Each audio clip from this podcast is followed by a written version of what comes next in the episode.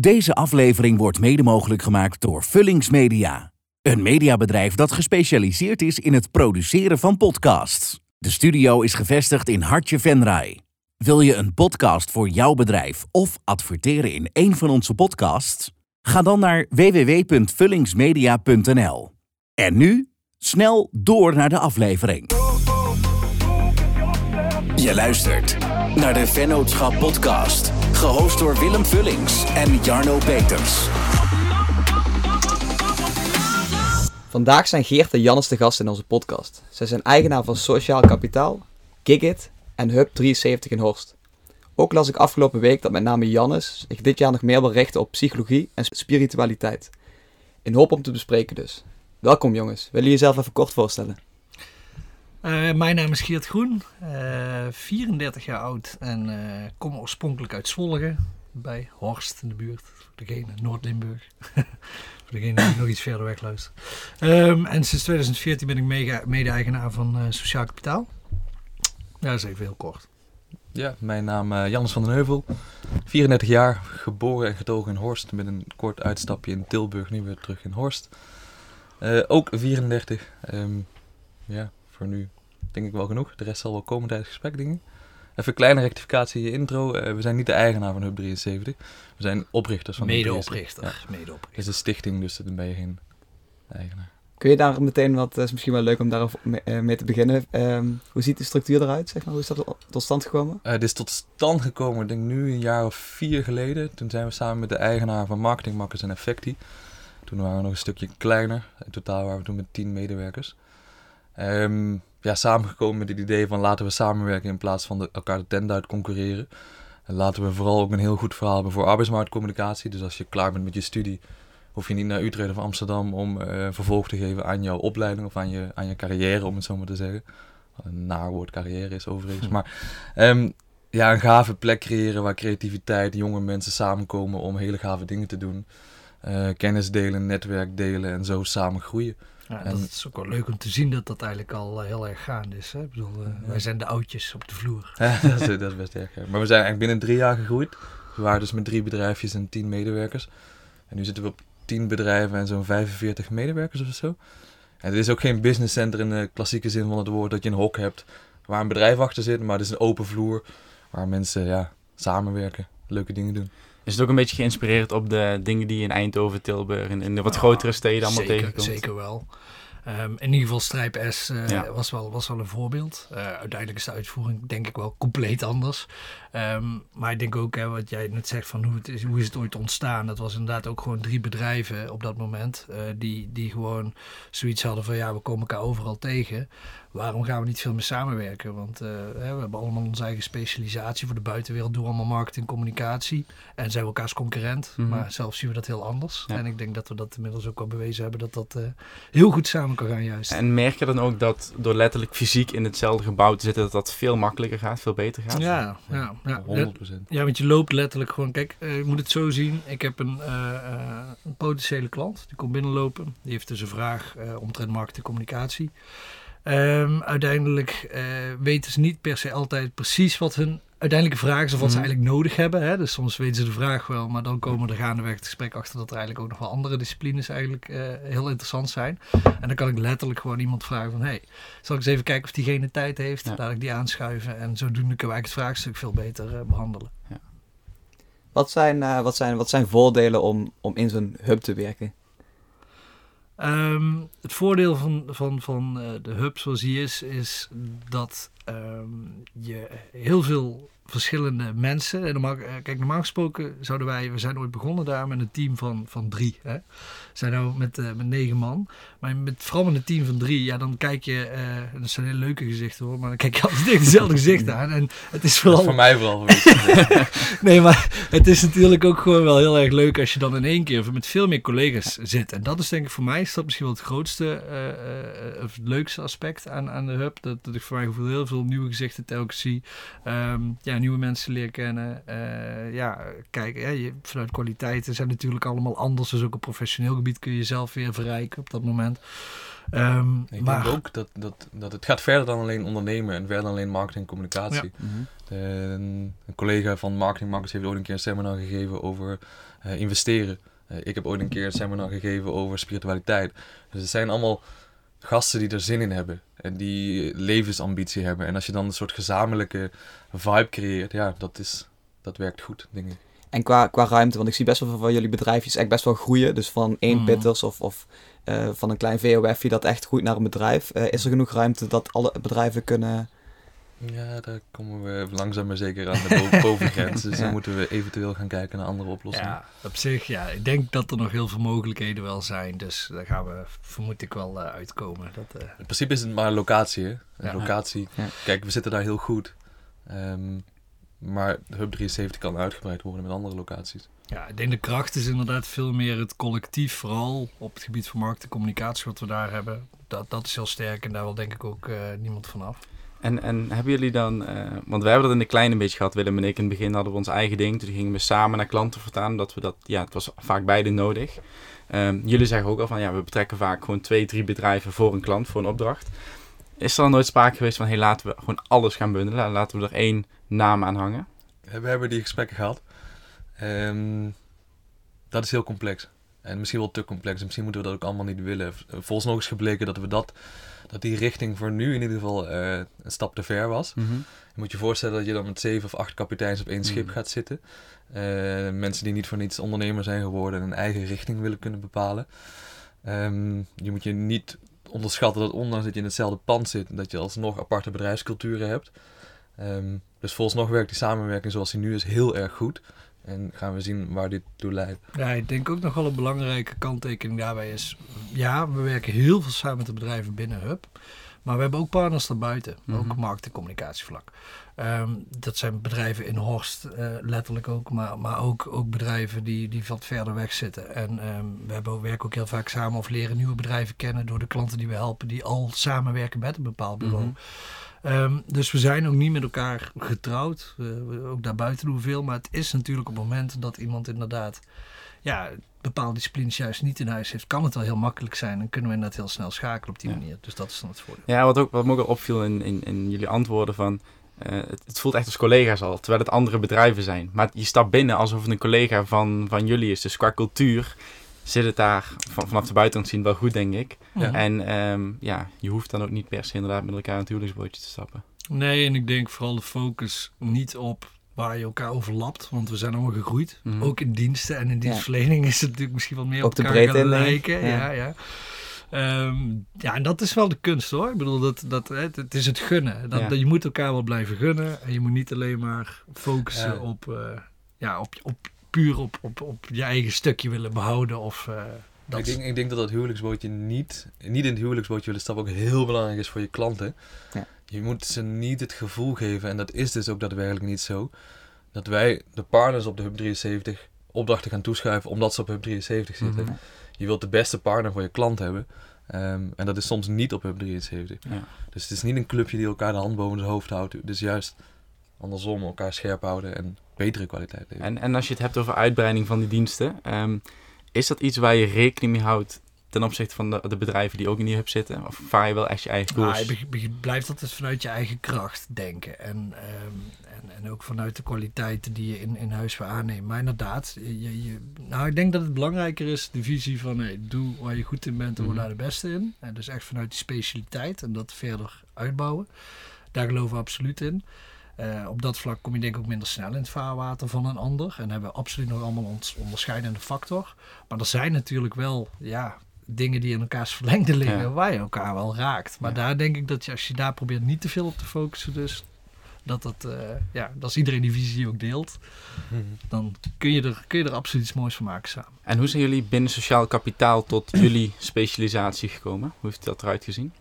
Ik ben zelf ooit begonnen met. eh, toen werkte ik nog bij de Lange in Horst. Dat Ja, was toen nog de we. place to be. Er kwamen Ja, twee- 2000 man per week. Nou, misschien heb ik jullie ook nog bier getapt. Een vergrijs verleden. Nee, wel veel in ieder geval. en toen studeerden wij nog allebei af op de universiteit. En toen was mijn scriptie ging over het positioneren van bedrijven op Facebook. En toen was Facebook nog echt hip en happening. Nu ook nog overigens hoor, maar op een iets andere manier. Toen duwde Facebook nog hypes uit de markt. Zo, daar zaten we.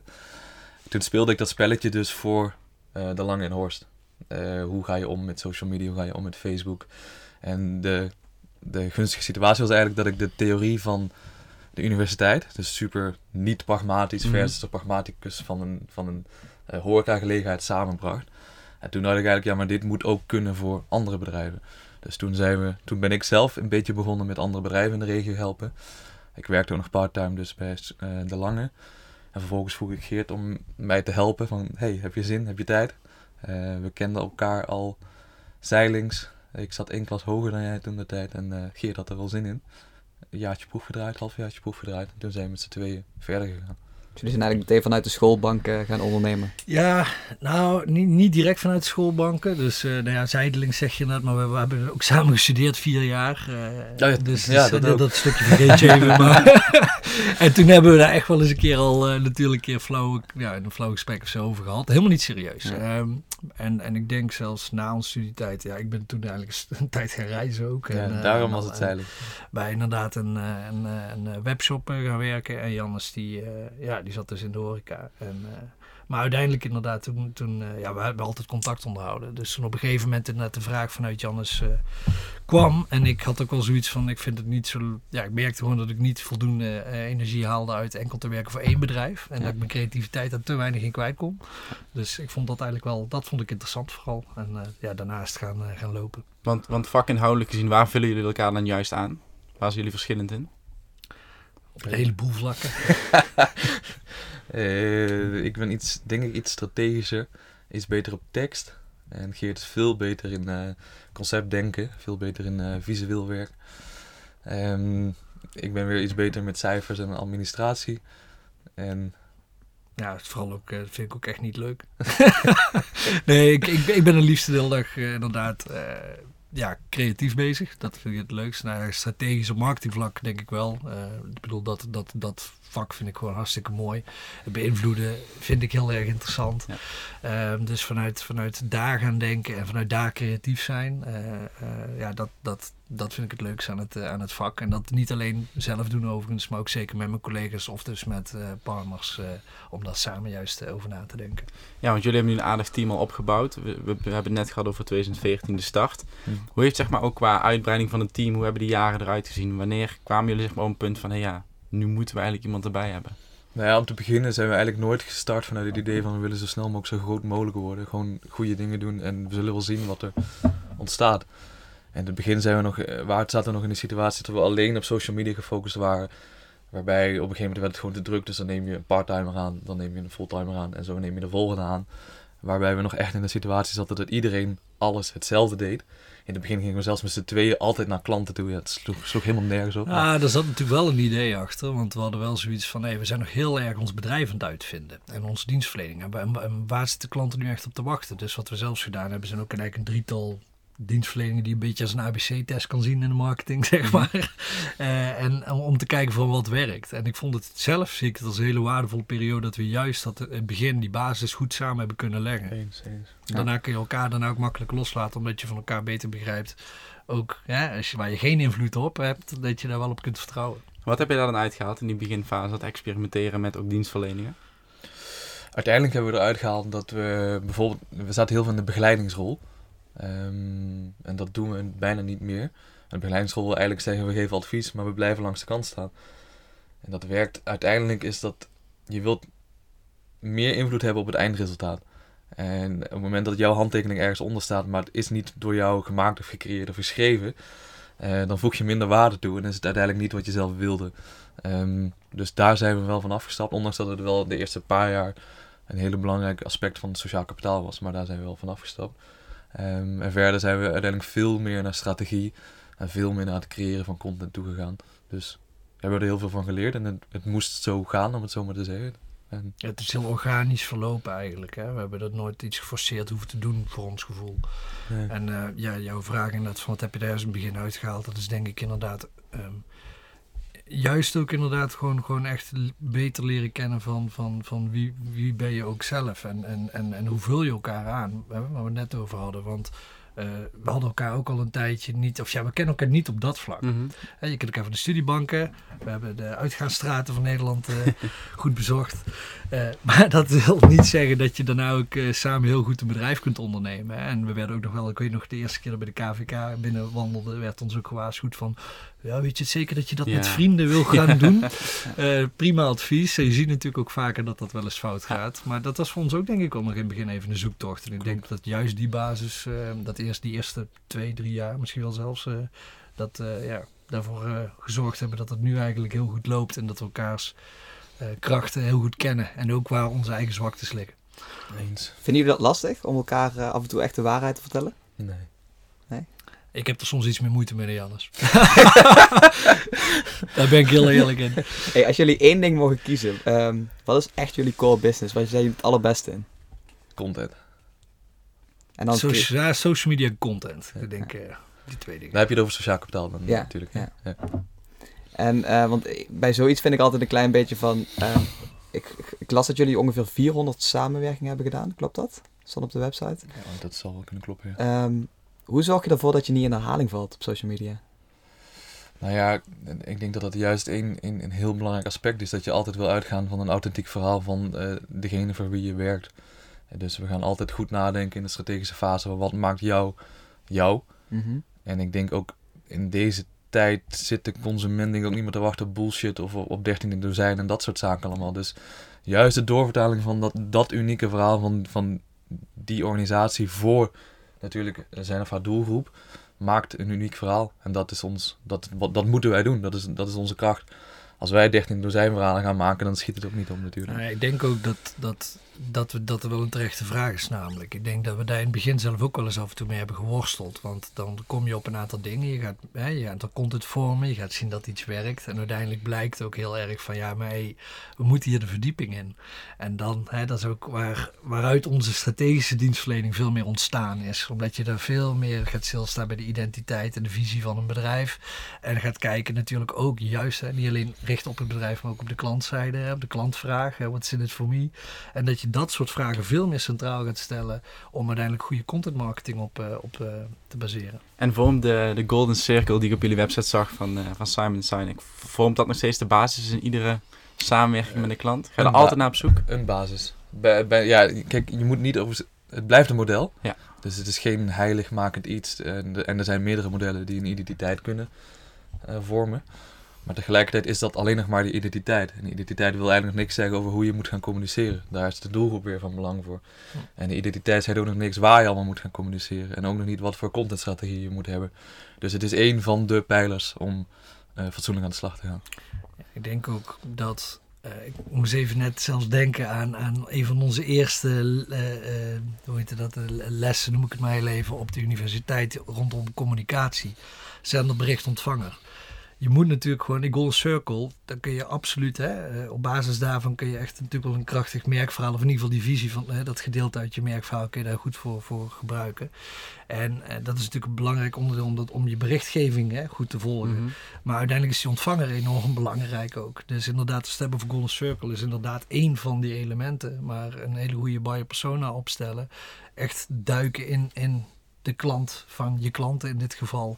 Eh, of een, eh, hè, collega's die ze, die ze willen werven. Nou ja, of nieuwe collega's die ze willen werven. Ja, ook daarin moet je gewoon gaan kijken. Wat zijn wensen, motivaties, belangrijkste zaken. En vanuit daar... eh, als je al die elementen hebt, dan pas kun je eigenlijk ook echt goede content maken voor een bedrijf om een doelgroep te raken. En als je dat naar de praktijk brengt, want je gaf net aan van er komt een potentiële opdrachtgever binnen, die heeft een vraag. Ehm, ik kan me voorstellen dat hij een keer met een vraag komt van, hey, dus eh, bijvoorbeeld voor eindejaar, feestdagen, we willen een, een toffe campagne doen. Dat hij misschien daar weer bij jullie komt. Maar jullie werken altijd vanuit die hele, van- vanuit die authenticiteit, vanuit het, ja, bij je persona wat je net zegt. Eigenlijk een stuk breder, want je wil eerst dat helder hebben voordat je Mhm. zo'n zo'n campagne kunt uitzetten. Mhm. Hoe neem je dan zo'n ondernemer mee in het feit van, hey, leuk die campagne, maar we moeten eigenlijk nog een aantal stappen terug. Ja, je gaat gewoon, je gaat gewoon prikken. Je gaat vragen terugstellen als zij zeggen, oh ik wil morgen een campagne live hebben. Oké, Waarom? waarom, waarom wil je die campagne live hebben? En wie is je doelgroep? En wat wil je ermee bereiken? En zo ga je eigenlijk die ui van buiten naar binnen afpellen. En als er dan vaak geen goede antwoorden van zo'n ondernemer bij uitkomen, dan weet je dat je eerst terug moet naar de kern. Ja. Anders ben je gewoon losse vlodders aan het schieten. Eén één hele gerichte vraag is bijvoorbeeld als ik tien collega's van jouw organisatie op een rij zet en ik vraag ze allemaal hoe zie, wie, wie is jouw bedrijf? Noem eens in twee volzinnen wat jouw bedrijf is. En je krijgt tien verschillende antwoorden. Begin daar. Ja. Heel veel ondernemers die hebben de blik naar buiten toe. Maar het begint ook nog bij je eigen team. En dat goed hebben staan. Dus ja, dat soort dingen. Dus jullie, jullie nemen zo'n campagne ook niet zomaar aan zonder Nee, dat wel nou helder ja, te hebben. Afhankelijk van... Ja. Soms, soms is het ook gewoon bijvoorbeeld een productlancering campagne Mhm. bijvoorbeeld. Het is wel afhankelijk van de vraag. Het is niet zo dat we dan zeggen nee, dat gaan we gewoon niet doen. eh, om, omdat we altijd per se vasthouden aan eh, van verkenning naar strategie, van strategie naar creatie, van creatie naar, naar het delen van die content. Zeg Mhm. maar. Het kan ook heel goed zijn inderdaad dat we zeggen van oké, we hebben alle vragen te lopen zoals Jan zei ik net ook eventjes zegt. En we komen tot de kern en dat we ook daar een bewustmaking, hè, bewustwording creëren bij eh, de ondernemer van oké. Inderdaad, ik moet het wel in het grotere plaatje zien. Ja. Maar dat betekent niet dat er soms ook gewoon een heel belangrijk moment op korte termijn kan plaatsvinden waar we dan onze meerwaarde aan eh, kunnen verlenen. Maar goed, dan is dat een soort quick fix, noem ik het heel even. Ehm, of leggen we daar al heel snel in korte tijd eh, een basis neer om daar vanuit daarna wel door te gaan. Wat is voor jullie die ideale klant? Is dat bijvoorbeeld een webshop of... Ja, we hebben het er vaker wel... Kijk, we, we, we vinden het vooral heel leuk om ook voor verschillende branches te werken. En het is niet, hoeft niet per se een webshop te zijn. Het kan eigenlijk echt van alles zijn. Mhm. Dus dat... eh, Ik- ik- Ja. heb waarom, ik, heb- waarom ik het vraag? Omdat ik denk dat... Is het bijvoorbeeld voor een... ehm, in de maakindustrie, een lokaal bedrijf... Is dat voor jullie lastig om daar elke week of meerdere keren per week content voor te maken? Eh, ook nee, het is dat- heel afhankelijk van het type bedrijf en vooral hoe het bedrijf is ingericht, Ja. denk ik. Ja. Vanaf de, welke mensen daar binnen het bedrijf zitten en welke kwaliteiten er al binnen het bedrijf zijn. Ehm, ja, ik denk dat dat het grootste verschil maakt. Niet zozeer de branche, eerlijk gezegd. Zijn er veel bedrijven waar, waar jullie nee tegen zeggen op het moment? Valt denk ik eigenlijk wel mee. Nee. Nee. Nee. Oké. En eh, jullie werken met een soort eh, abonnementsmodel, toch? Zo kan ik het eigenlijk best wel zien. Ja, uiteindelijk gaan we de, de strategiefase in het begin is altijd een soort kop-staart traject. En vervolgens gaan we uitvoeren in uren, om het zo maar te zeggen. Dan spreken we een bandbreedte af met aantal uren. En binnen die uren gaan we dingen doen. En die dingen doen, dat is dan vaak social media content, social media beheer, social media advertising. Maar in de strategiefase doen we ook vaak de klantreis en de optimalisatie van de klantreis. En dan hebben we vaak ook nog de rol dat wij stap voor stap die klantreis gaan optimaliseren. En dan kom je ook absoluut wel bij dingen uit die niks met social media te maken hebben. Mhm. Ik zeg maar wat een pitch optimalisatie, web optimalisatie, misschien zelfs een folder of een flyer.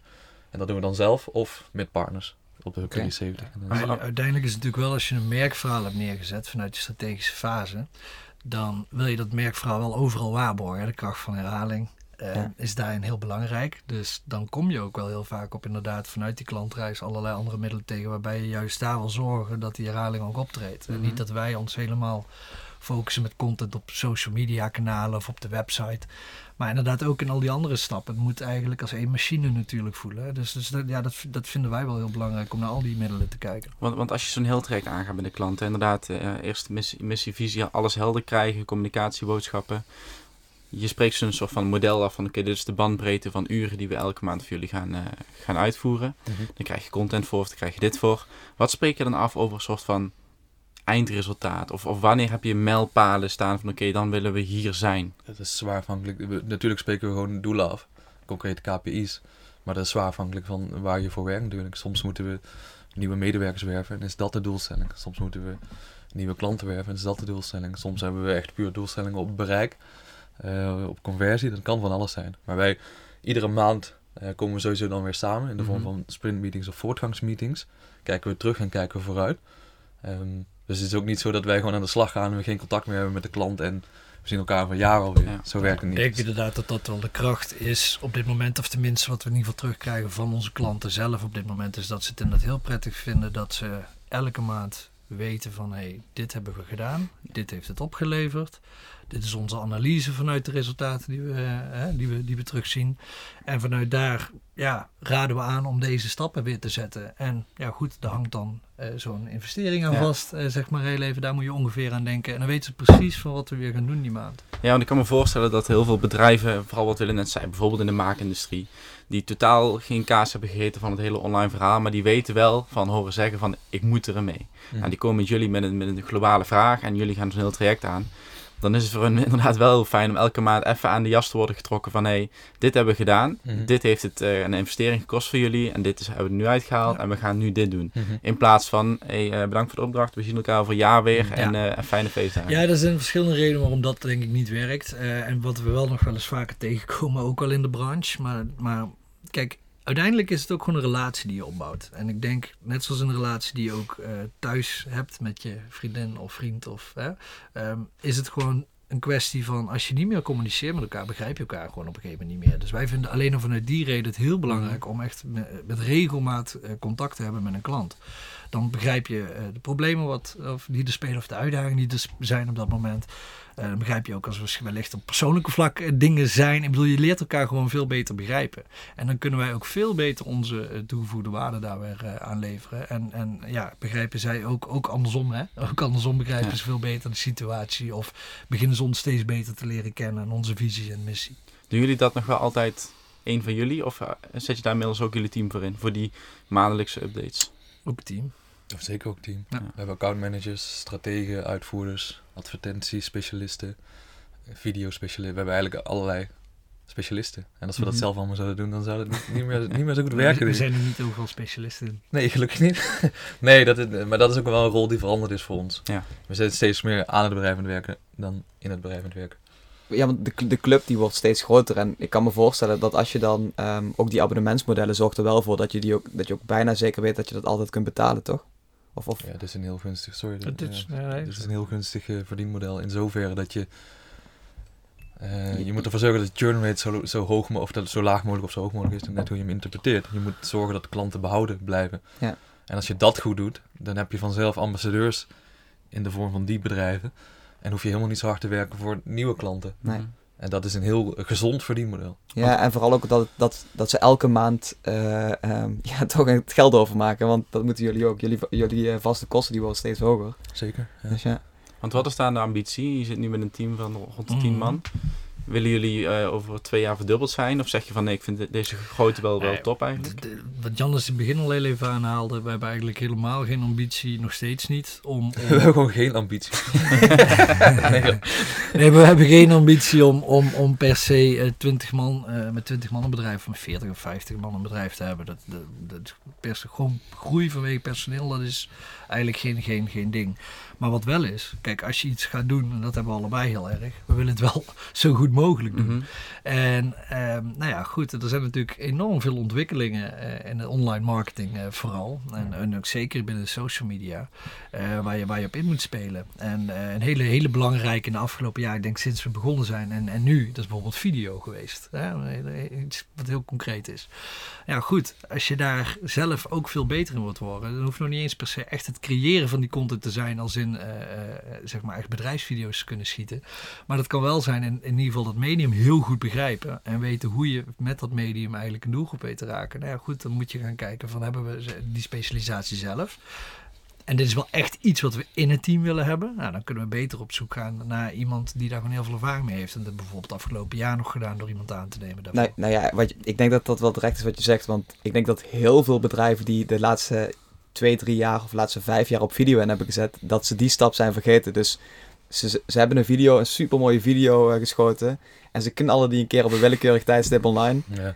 En tien mensen hebben die gezien. En heb je mijn video gezien? Dan kijk je trots. En dat is zo jammer, weet je wel. Ja, dat Ja. zijn eigenlijk gewoon de drie pijlers. Eerst nadenken, dan creëren, dan goed verspreiden. Want Ja. die component wil nog wel eens vergeten worden. En recyclen ook. Hè? Ik bedoel, Ja. Niet alleen maar inderdaad één keer plaatsen, maar blijft die nou eens herhalen. Of eh, denk daar trouwens ook in de beginfase, voordat je zo'n video ga- gaat opnemen, denk er nou eens even goed over na van, hey, hoe kunnen we die dadelijk voor veel meer dingen in gaan zetten? Hè? Kunnen we die ook in onze onboarding gaan gebruiken? Ja. Oké, maar dan moet het misschien op een andere manier. Ja. Nou, dus dan moet je ook daar weer rekening mee houden dat je daarin kunt editen of verschillende vormen kunt opleveren. Maar moraal van het verhaal is, organische groei is goed. En niet groeien om het groeien. Nee. Dat is waar we voor staan. Ik wil even naar eh, Gigit. Hoi. dat, is goed, dat is goed. hoe, is dat, eh, hoe is dat ontstaan? Wat is het überhaupt? Sorry, laten we daarmee beginnen. Eh, Gigit is een... eh, ja, het makkelijkste is altijd een beetje als je de vergelijkingen maakt met bijvoorbeeld eh, Untapped. Met Untapped kun je speciaal bier bijhouden. Je eigen historie als het ware bijhouden. Je kunt het recenseren, je kunt het delen met vrienden. Eh, je hebt bijvoorbeeld Runkeeper, waarbij je hardloopscores kunt bijhouden. Je hebt IMDb, waar alles op het gebied van films is en de massa eigenlijk films kan raten. Vivino heb je voor wijn. En eigenlijk, wij hebben een gezamenlijke passie. Naast sociaal kapitaal eh, struinen wij ook heel veel concerten af. En eigenlijk allemaal die platforms die ik net noem, die bedienen bepaalde niches. En de niche van live muziek, die werd eigenlijk niet bediend.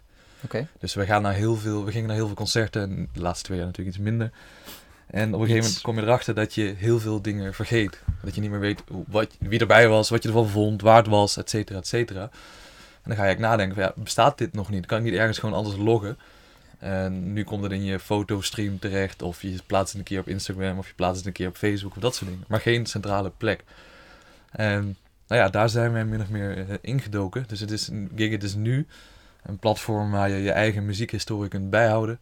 Uh, je kunt dat recenseren voor jezelf, dus een 5 sterren rating of wat dan ook. Uh, combineren met een long review met woorden.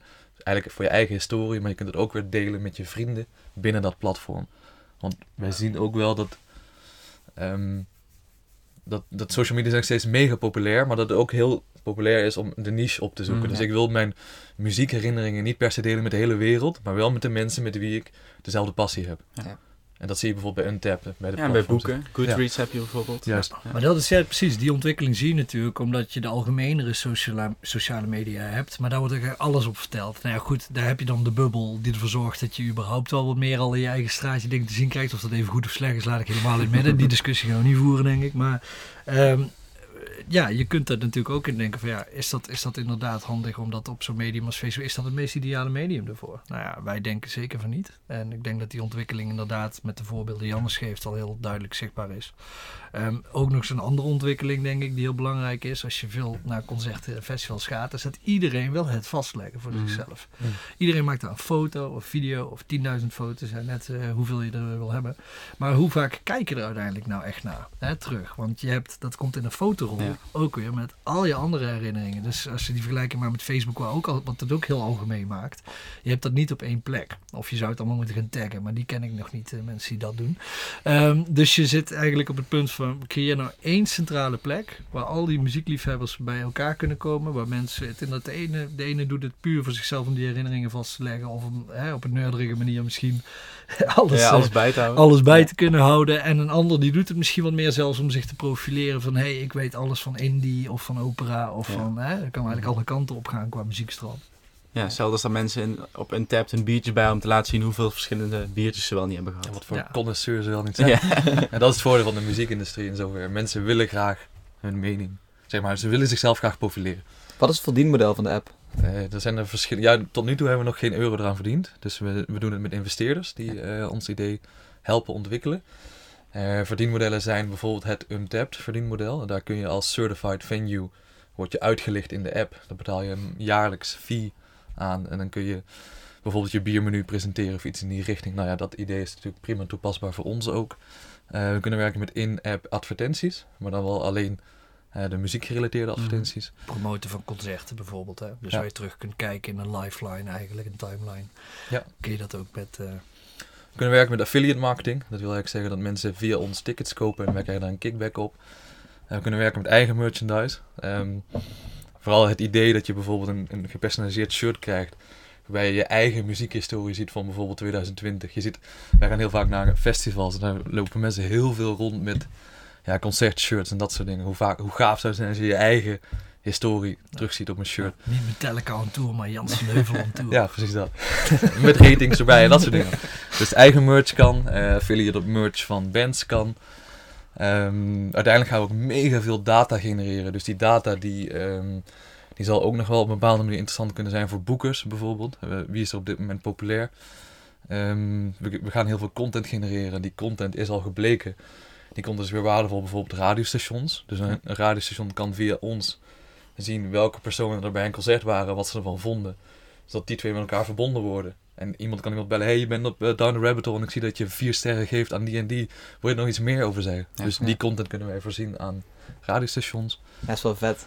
Je bouwt echt een community. Ja. Ja. dat is het zeker. En, en ik vind het nogal ook een heel belangrijk onderdeel van dat verdienmodel met die adverteerders. Oh, hè, we, we, we hebben net natuurlijk veel over sociaal kapitaal gehad, waar we heel veel adverteren. Alleen er is ook een trend gaande waarbij die data veel minder dadelijk extern gehaald kan worden op allerlei websites. Hè. Ja. Bijvoorbeeld, eh, die cookieless era, zoals dat eh, wordt genoemd.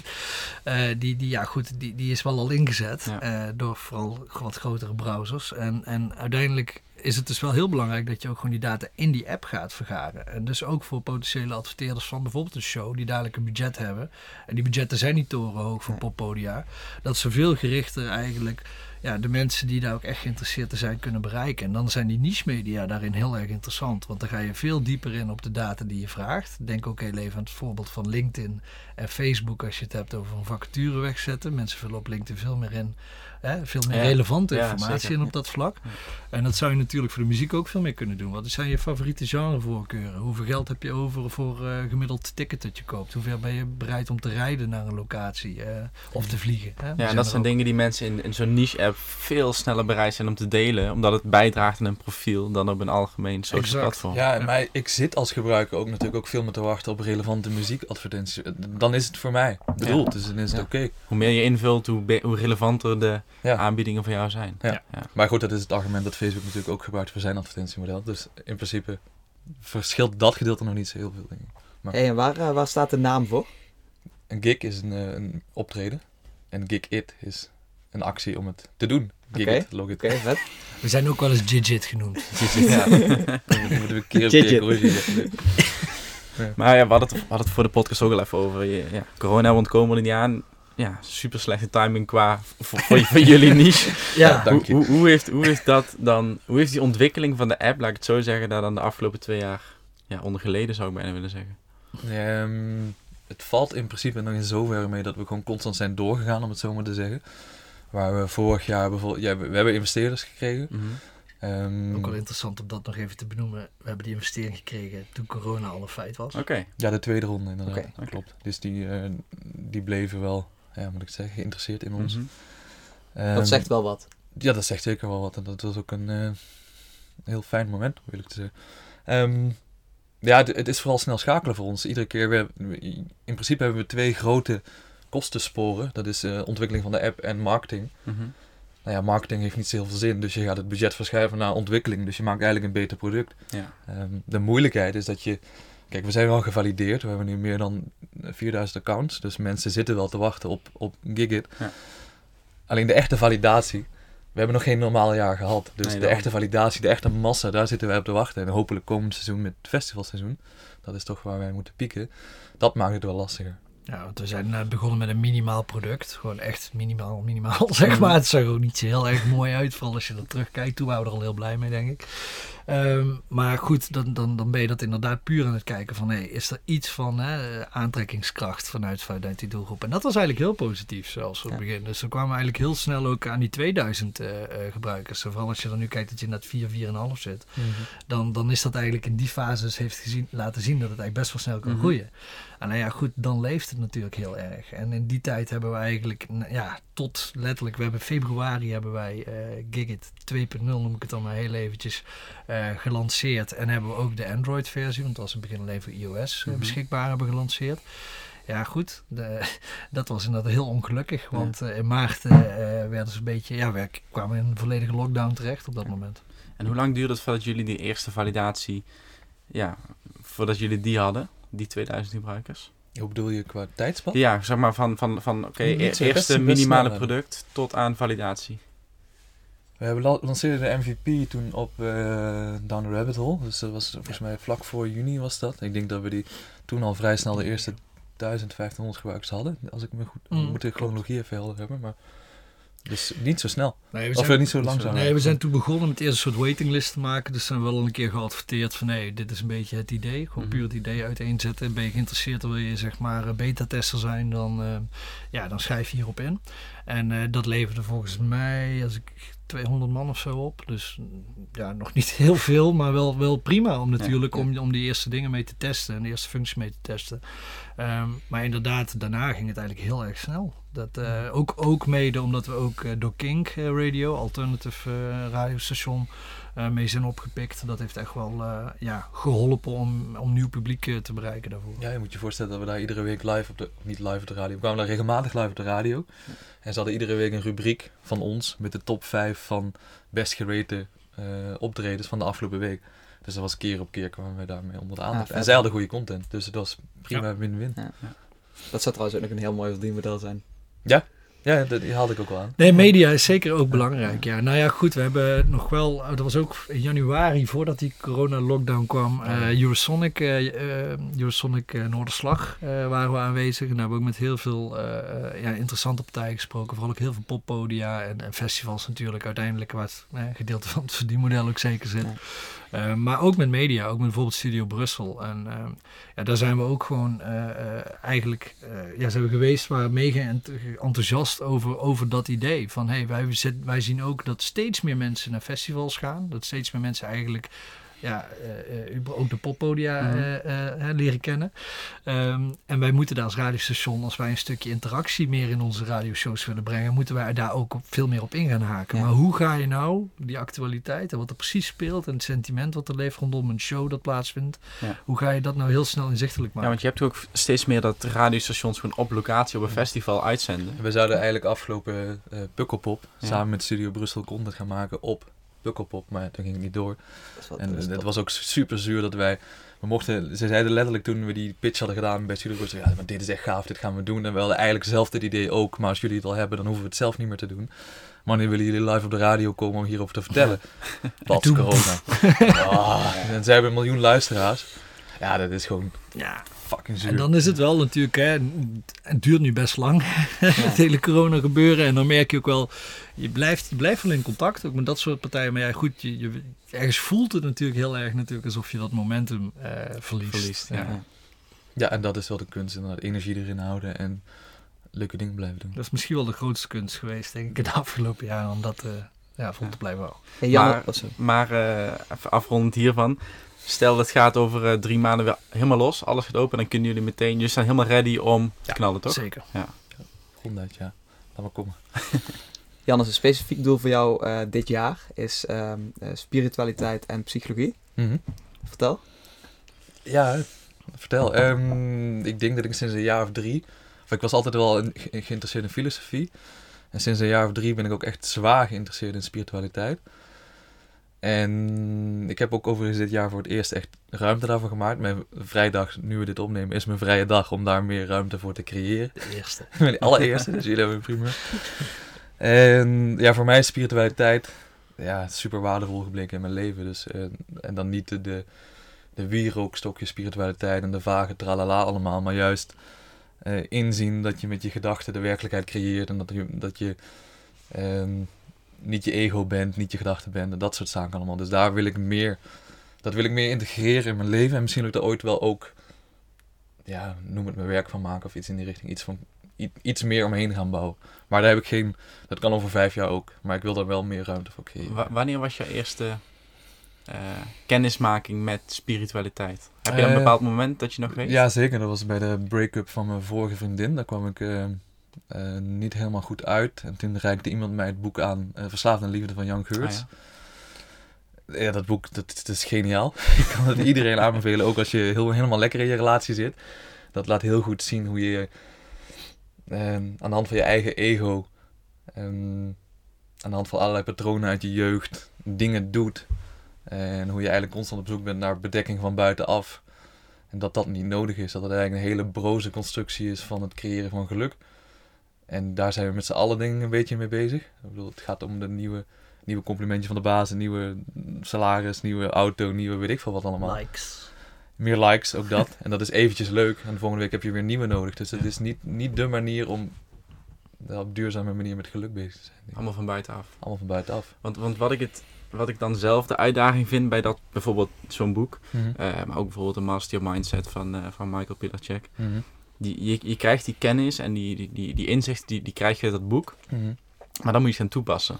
En ja, daar, daar stopt het vaak ook bij. Als je niet toepast, dan ben je, geen, ben je niet met spiritualiteit bezig, maar dan ben je met filosofie bezig. Dus spiritualiteit betekent, je moet het doen. Dat is een beetje de, de, de, de, de, de vergelijking wordt vaak gemaakt met eh, een sinaasappel. Dat als je op het moment dat ik jou ga omschrijven hoe een sinaasappel smaakt en hoe het eruit ziet en wat het wel is en wat het niet is, heb je nog geen flauw idee hoe het echt smaakt. Dus als, als ik ga praten over meditatie en dat soort dingen, dan heb je nog steeds geen flauw idee hoe je werkelijk de werkelijkheid ervaart. Dus je moet gaan oefenen. Anders blijft het een eh, conceptueel iets. En dat is juist iets wat spiritualiteit tegengaat. Weg met de concepten. Dus je moet oefenen. Ja. Hoe ga jij er praktisch mee aan de slag dan op zo'n vrijdag? Of hoe heb je dat voor ogen het aankomende jaar? Ik, en- en dat weet ik nog niet precies. Dus ik wil veel mensen spreken die hier ehm, eh, al wat mee gedaan hebben. Ik weet nog niet welke richting ik daar zelf ooit mee op wil gaan. Ik heb verschillende. Ik ben heel erg geïnteresseerd in non-dualiteit, Advaita, Dzogchen. Ook psychedelica overigens. Ik denk dat de psychedelica een, ehm, een gigantische revival gaan maken in de komende tien jaar. Want het slaat nergens op dat die in de hoek van algemene drugs worden genoemd. Dat zijn de ayahuasca's, toch? Ayahuasca, LSD, eh paddo's en dat soort dingen allemaal. Er zijn hele leuke documentaires nu ook op Netflix die laten zien hoe je mensen echt geholpen worden met psychologische ellende door, die, door dat spul. En er zijn heel veel waardevolle studies nu op dit moment gaande die laten zien hoe waardevol dat spul kan zijn. Dus dat vind ik ook interessant om daar verder onderzoek in te doen. En onderzoek doen betekent dan niet dat ik iedere week aan de paddo's ga. Dat hoop ik niet. je, je moet het echt toepassen. je moet het ook toepassen. Ik zal niet ontkennen dat ik regelmatig dat spul heb. Of niet regelmatig, maar ik heb wel eh, mijn ervaringen gehad, ja. En dat zijn mega... Heb je wel eens een ayahuasca-sessie gedaan? Ja. In een, ik heb een driedaagse ceremonie gedaan in Peru. Twee avonden aan de ayahuasca. Dat was een van de meest intense, waardevolle, helende... Kun je dat kun je kort uitleggen? Want ik heb, ja, ja, Wat het is? Ja, maar ja, gewoon, eh, praktisch, wat, wat houdt dat in? Een ayahuasca-ceremonie, zoals het daar werd gedaan, betekent dat je sowieso een aanloop hebt van vijf tot tien dagen. Waarbij je eh, goed moet letten op je voeding, goed moet letten op je de lifestyle, om het zo maar te zeggen. En ik kwam daar en er wordt ook echt een, een goede intentie gezet van wat wil je uit deze sessie halen. En voor mij was dat meer verbinden met mijn innerlijke kind, om mijn innerlijke kindpatronen aan te pakken. Ik heb heel veel bewijsdrang en heel veel, ja, nou, van alles en nog wat, niet zo heel relevant voor nu. Ehm, dan ga je met een shamaan zitten en die gaat het ook een beetje toelichten en een beetje uitleggen wat, wat de gang van zaken gaat worden. Uiteindelijk kom je in een kamer waar vier of vijf mensen die ceremonie gaan doen. Er staat een emmertje klaar waarbij je al weet wat dat gaat worden. Dus je, je, er komt een ceremonie bij met een, een beetje muziek en een beetje rook en dat soort dingen. Je krijgt dat spul toegereikt en dat is het aller, allergoorste spul wat je ooit gehad hebt. Dat is echt niet te doen hoe goor dat is. Dat is een drankje eigenlijk. Hè? Dat is een drankje, ja. Ja, een drap. Ja. eh, modder. Ehm, ik had nog de verwachting en de hoop dat de eerste avond dat ik het zou doen, dat het zeg maar een subtiele ervaring zou worden, dat ik er even in zou komen. Maar ik kreeg gewoon een volle bak eh, dat drankje toegediend. En het is de bedoeling dat je binnen een half uur of binnen drie kwartier na toediening gaat overgeven. En ze zien dat als een soort cleansing van je lichaam. En dan ga je een uur of vijf, zes in een trip. Waarbij de crux van het hele verhaal is, je moet jezelf overgeven. Want anders, als je weerstand gaat hebben, dan gaat het een hele nare ervaring worden. Ja, in die trip ga je zwaar psychologisch werk doen. Ga je hele mooie dingen zien. Ga je ervaren dat alles één is. Ga je van alles ervaren. En dat is, het moeilijke van dat is dat het concepten overschrijdt. overschrijdt. Dus je gaat, dat, is niet heel, dat is heel moeilijk in woorden te brengen wat dat doet. Oké. En ik raad het niemand aan en ik raad het iedereen aan. Is het, is, kun je het vergelijken met, of in hoeverre kun je het vergelijken met een droom? Qua hoe echt je je dingen realiseert, wat je dan Mm, binnenkrijgt. Of tot je krijgt. Ja, vaak is een droom veel minder bewust. Dus je bent mega bewust van alles wat je op dat moment ervaart. En het is veel intenser dan een droom. Vele malen intenser. En je ziet dingen die je niet in je droom zou zien. En fysiek, je ligt of je zit of... Je ligt. Oké. En je moet Maar je slaapt niet. Nee, je slaapt niet. En je moet geholpen worden als je naar het toilet wil. Dus het is echt, je moet jezelf durven overgeven aan zo'n shamaan en aan een begeleider. Want Mhm. anders eh, gaat het niet. Dus, eh, en er zijn ook verhalen van mensen die zichzelf onderscheiden en dat soort dingen. Dus dat, is, eh, dat kan schijnbaar ook gebeuren. Wat bij mij niet gebeurt mij ook wel eens. Dat is alcohol, ja, dat is een ander middel. dus dat, en dat, dan, dat was twee dagen en een derde dag, zeg maar, het bijkomen, het integreren.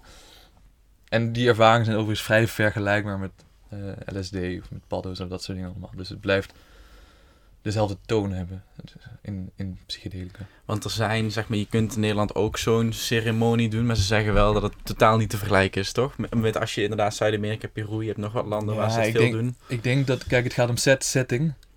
Ik denk, als, ik denk dat je hier ook prima een goede set en setting kunt creëren. Alleen ik denk dat het hier kan het misschien snel commercieel worden. Mhm. Het kan snel hapsnap worden, denk ik, dat soort dingen. Daar moet je voor waken. Maar ik zou niet per se in. inzien waarom je niet hier gewoon een hele mooie, waardevolle ceremonie kunt organiseren. Wil je dat nog een keer doen? Ja, ik doe, doe dat ook. ja, of nou ayahuasca is of LSD of padden of dat soort dingen allemaal. Ja, ja. Om de zoveel tijd doe ik dat, ja. Oké, ja. Ik ga hem heel even... Maar heeft Jannis jou, Geert, ook een beetje daarin meegetrokken of ben je daar helemaal Nee. niet van? Nee, nee, nee, volop nee. Ehm, nee, maar kijk, ik respecteer absoluut wel. ehm, ehm, ja, goed, Jannes is eh, wie Jannes is. En eh, ik gun hem zijn ontwikkeling en, en, en ja, zijn interesses. Ik heb hele andere interesses weer die Jannes niet kan bekoren, vermoed ik. En ehm, ja, weet je, kijk, eh, ik, ik sta er inderdaad, ja goed, ik heb die behoefte inderdaad helemaal niet. Daar komt het eigenlijk, dat is een kort, kort. Maar ja, dat is ook wel grappig, denk ik ook. We hebben het natuurlijk op de hub gehad. En eh, ja, iedereen kent Jannes en mij ook echt wel als, als eh, ik denk, aan één kant, eh, zeg maar, een, een eenheid. Vooral vanuit sociaal kapitaal. Maar ook zeker als twee compleet, compleet verschillende individuen. Maar ik denk dat wel het allerbelangrijkste is uiteindelijk in die end dat je gewoon jezelf moet kunnen zijn en mag kunnen zijn. Maar daarom matcht het misschien waarschijnlijk ook zo goed, toch? Ja. Als ik dat niet zou hebben, dat ik daar niet voor open stond, dat ik, dat ik daar alleen maar op in zou hakken, dan zou je dat, ja, weet je, dan was dat niet bij dit punt, hè? Dan was het al veel eerder niet Ja. goed Ja, gegaan. een match dan dadelijk ook omdat we volledig anders zijn. Ja. Klopt. Hey, wij sluiten altijd af met het spel dilemma's. Ehm, ik denk dat we de omste beurt ehm, eentje gaan stellen. En dat jullie omste beurt... Of nee, geef allebei mijn antwoord, toch? Ja. Jannes, ochtend- of avondmens? Allebei niet.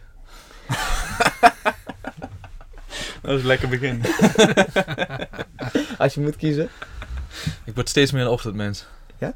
Ja, Waarom? dat had ik nooit verwacht. Ja, de avonden ben ik er toch wel na de dag gewoon best wel moe. En je merkt gewoon dat je... Ik sta nog steeds nooit makkelijk, echt makkelijk op. Een ochtendritueel ben ik weer nu weer mee begonnen het nieuwe jaar. Is toch een klein gevecht altijd. Alleen je merkt wel dat de ochtenden veel productiever en veel scherper en veel helderder zijn. Toch is grappig, hè? Want in de studietijd had jij volmondig avondmens gezegd. Sowieso, 100%. Jij, Geert? Ochtendmens, maar dat, zeg, dat ben ik al mijn hele leven. ik sta Ja. graag vroeg op. Liefst ga ik eh, vaak doodtrappen en eh vogels spotten. En weet ik veel wat allemaal. Vogelspotten zo. Ja, zeker wel. Nee, Als je het dan over een van mijn interesses hebt. Dat juich ik ook toe. Nee, maar zeker ochtendmensen. Wel vanwege de reden die Jans er eigenlijk ook noemt. Van ik ben gewoon veel scherper, productiever. En ehm, ja, zin om alles, van alles te doen. Allerlei plannen iedere ochtend. Ja. Ja. Specialist of generalist? Generalist. Specialist, denk ik. Toch wel? Winst of groei?